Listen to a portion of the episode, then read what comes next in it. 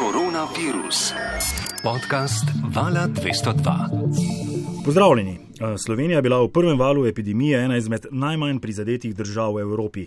V začetku decembra lani pa smo zasedli prvo mesto na svetu po številu dnevnih smrti na milijon prebivalcev zaradi COVID-19. To se že in se bo še močneje odražalo na presežni umrljivosti. Takšen je uvod v strokovni članek z naslovom Od zgodbe o uspehu do katastrofe, kaj se lahko iz tega naučimo, ki so ga na podlagi zelo podrobne študije pripravili na Inštitutu za biostatistiko in medicinsko informatiko na Medicinski fakulteti Univerze v Ljubljani. Doktorica Nina Ružič Gorenec, dobr dan. Dobar dan. Če se navežem na naslov članka o vaši raziskavi, eh, zakaj se je zgodba o uspehu od pomladi do jeseni 2020 spremenila v katastrofo? Kaj smo jeseni delali drugače kot spomladi? Katere so vaše ključne ugotovitve?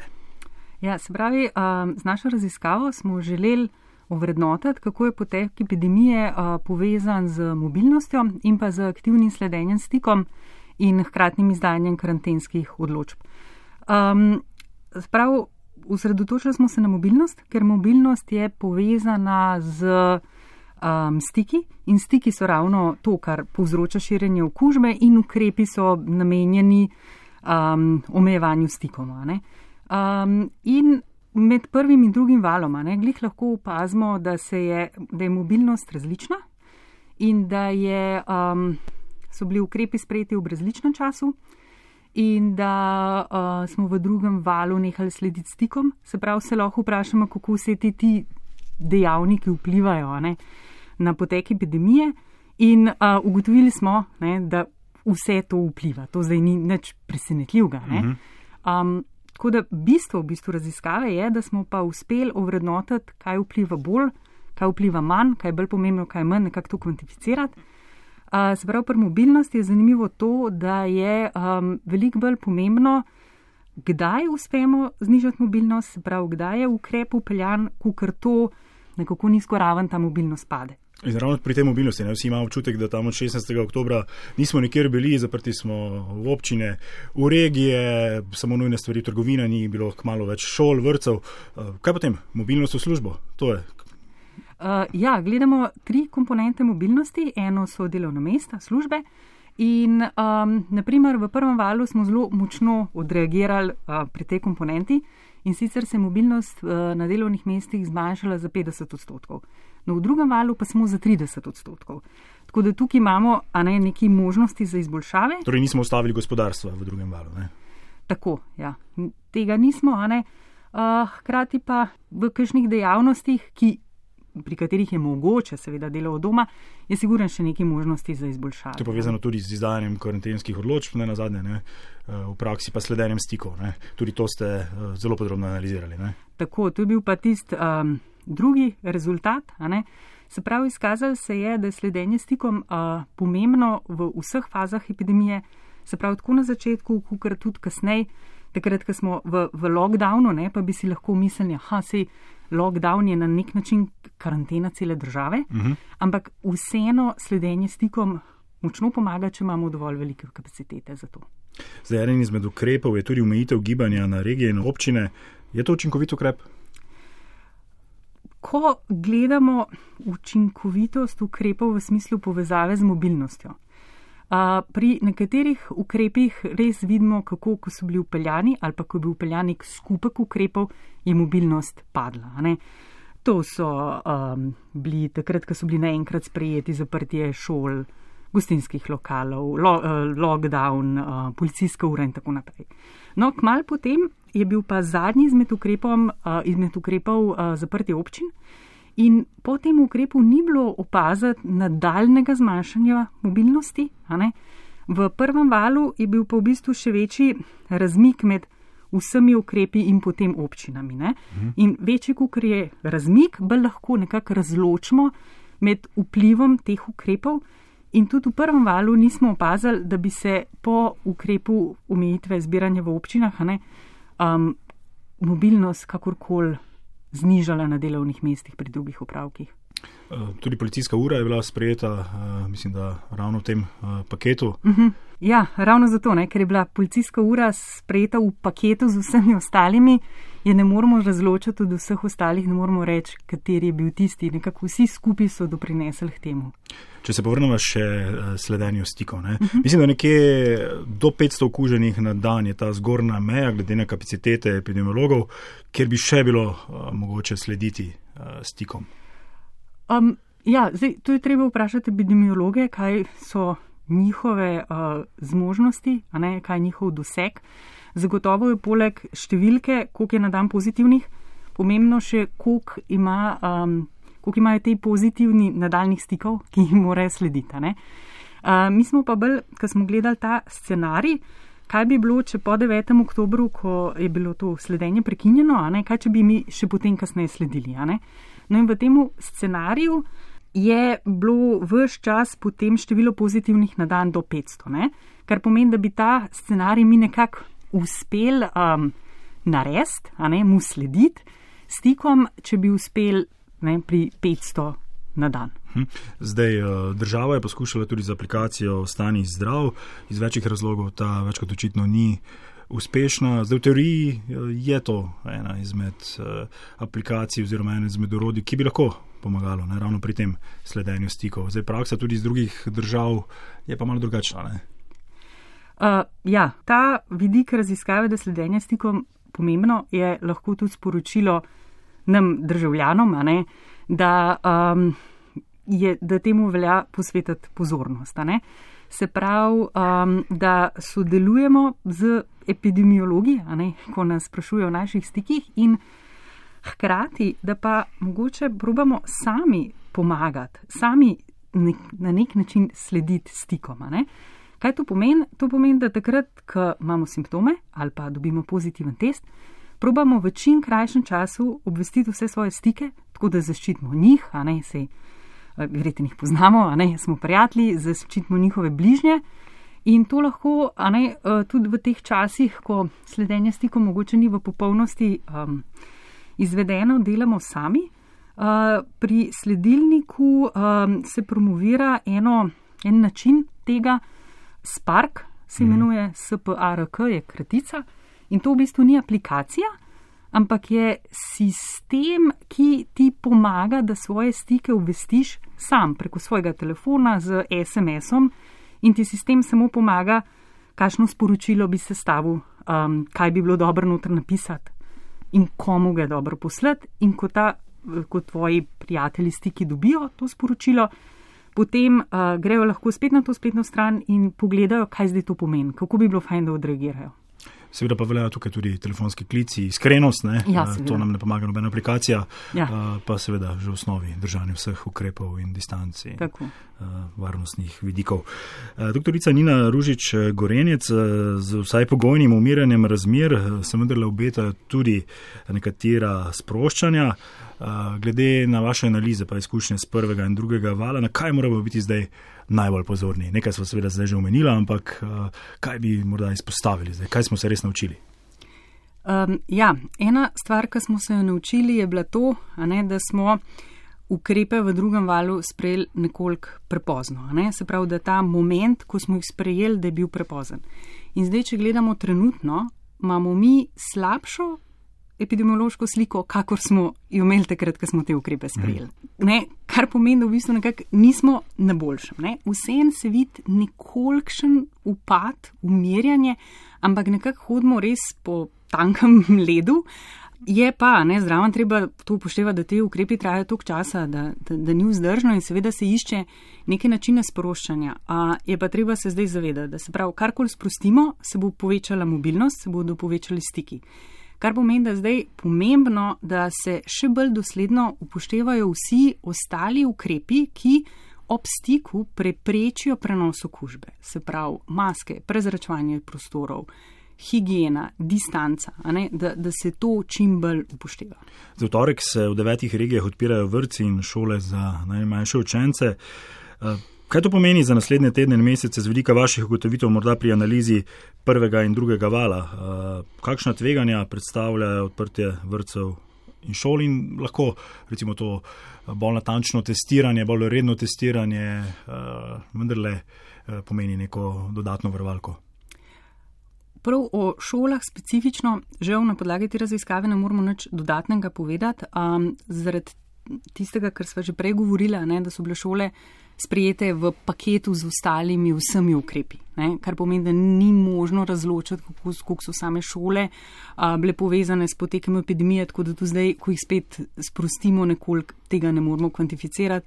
Tako da nekako velja to splošno a, priporočilo, kar sva prej govorila, pri katerem koli sproščanju ukrepov. So pa morda tu kakšne primerjave s tujino? Vemo, ena izmed najbolj kritičnih debat tudi javnih je, da smo šole zaprli zelo zgodaj, da so v Sloveniji šole in vrci a, med najdlje zaprtimi v Evropi. Pa da recimo vem, v Avstriji, Nemčiji, ko so bile šole še odprte oktober, novembr, predvsem so imeli ni, nižji delež okužb tudi na Hrvaškem. To je le malo mal slovenska uh, specifika. Ste morda tudi postavljali ne samo šole, ampak vse te pakete ukrepov tudi v kakšen širši evropski kontekst, so tu kakšne posebne ugotovitve?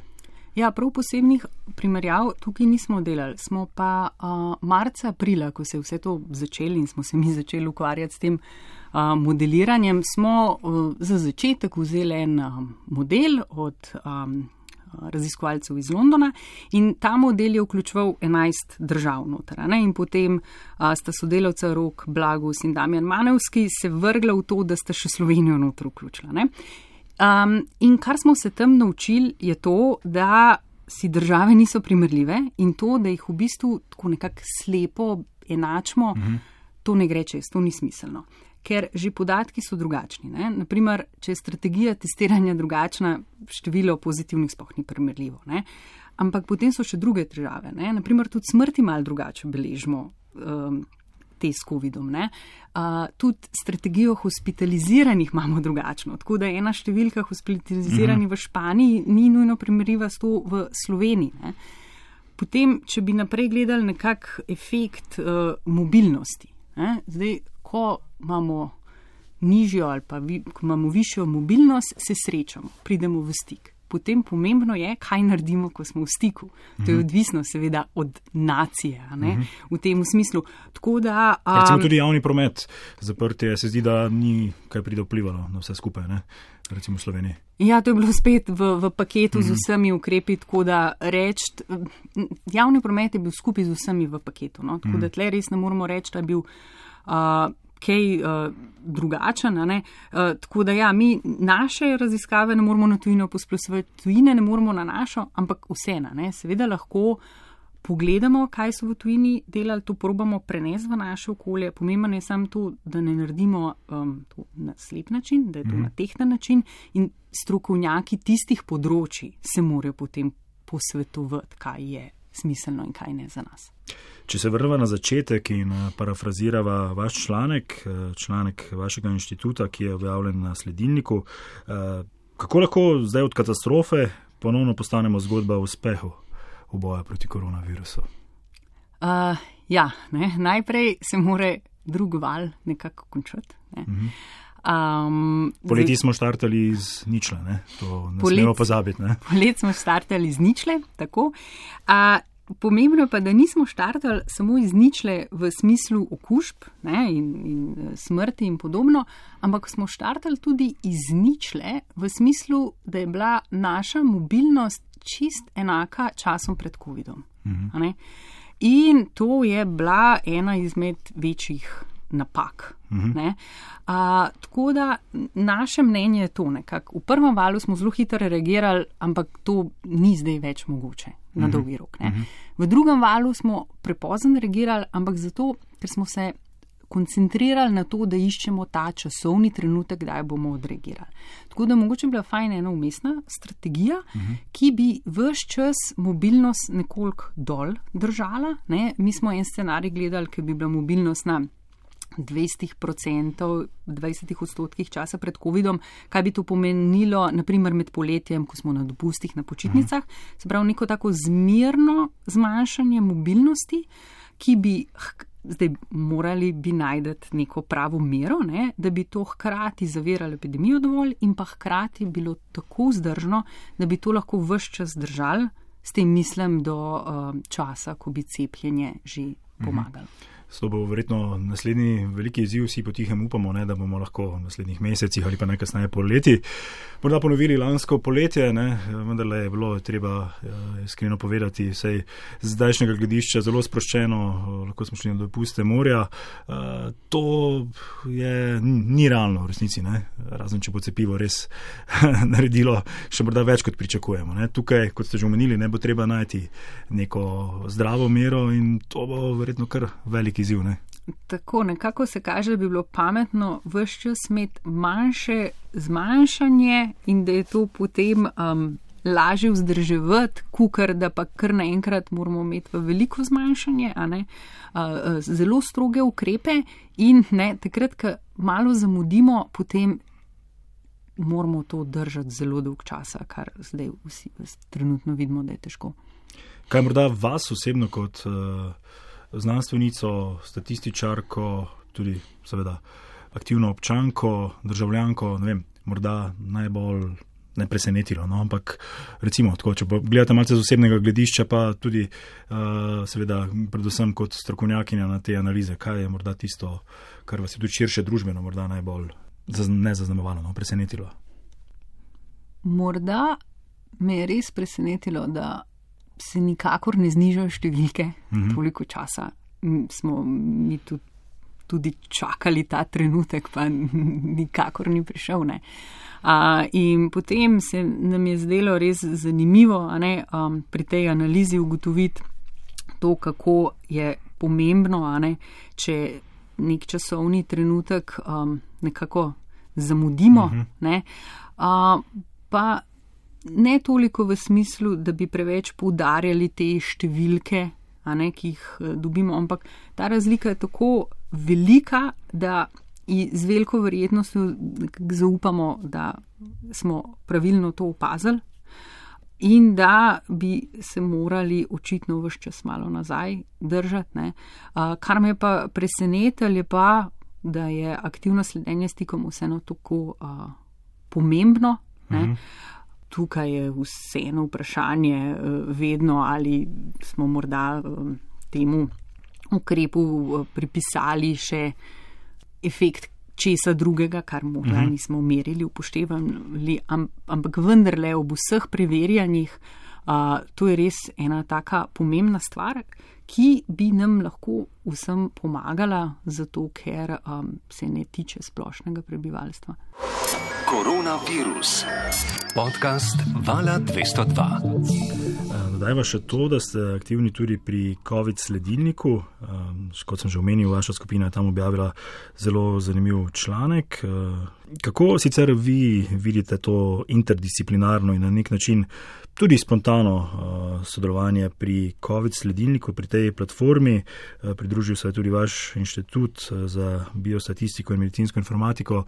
Vemo, da tam zelo uh, pisana druščina strokovnjakov različnih strok. Kakšna je vaša morda tudi malce osebna izkušnja kot znanstvenice? Uh, Meni bi bila to super izkušnja. Gre za vendarle nek uh, nov format, če se tako izrazim. Ja, ne? tako je za nek nov format in to, da uh, tukaj sodeluje toliko različnih uh, ljudi, je super, ker imamo vsak svoj pogled. Uh, A, mi znotraj inštituta smo vsi statistiki, imamo en pogled, potem se tukaj združijo še a, drugi pogledi. Jaz sem aktivno upeta bolj zadnje čase v smislu te a, raziskave, se upletam v, v modelarski del. A, je pa že od prvega vala bil naš inštitut v stiku s sledilnikom preko predstojnice Maj Pohar Prme. Zdaj, prednost. A, inštituta oziroma naš, nas raziskovalcev je ta, da smo si lahko del svojega raziskovalnega časa, službenega časa namenili modeliranju COVID epidemije. Se pravi, zdelo se nam je smiselno, da ker smo statistična stroka, da se tudi v to upletemo, čeprav to ni naše osnovno delo, imamo še vse ostale projekte in vse skupaj, tako da tudi pri nas se to zavleče v prosti čas. Uh, bi pa se tukaj vrnila na ostale iz sledilnika, um, ki pa praktično vse svoje delo upravijo ob službah, ob mhm. študiju, mm. to zahteva ogromno energije, elana, zagnanosti. So pa morda takšni projekti, je lahko to ena izmed dobrih plati, kar je zdaj prinesla recimo epidemija, ne? neka ta interdisciplinarnost, ki nam morda lahko srednjeročno pomaga rešiti tudi kakšne eh, druge težave. Ne? Eh, govorimo o povezovanju uh, neke res strogo stroke v nekih tradicionalnih inštitutih in potem na neki čisto zunani interdisciplinarni platformi, kjer so verjetno vendarle nekaj pomeni tudi ne, ta uh, nesproščenost v slavnem smislu, ampak neka drugačna hierarhičnost ne, na zadnje, ne, veliko večja fleksibilnost. Ne. Tako, Težko si je predstavljati, da bi sledilnik spostavila država ne, ali pa.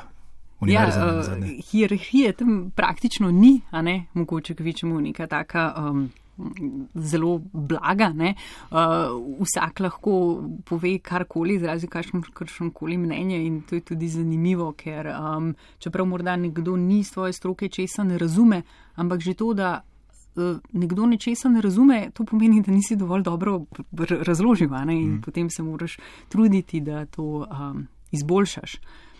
Se mi zdi pa, da nekako plačilo. Um, ljudi, ki delajo v sledilniku, ne, na način, um, kako so poplačani za svoj trud, je uh, v bistvu to, da imamo dobre podatke, kvalitetne, da jih uspemo dobiti in da so prosto dostopni. To je tisti osnovni cilj in da je javnost čim bolj informirana, da čim bolj razume. Doktorica Nina Ružič Gorenec, hvala za pojasnila in obisk na koronavirus podkastu Vala 202. Hvala tudi vam. Koronavirus. Podcast Vala 202.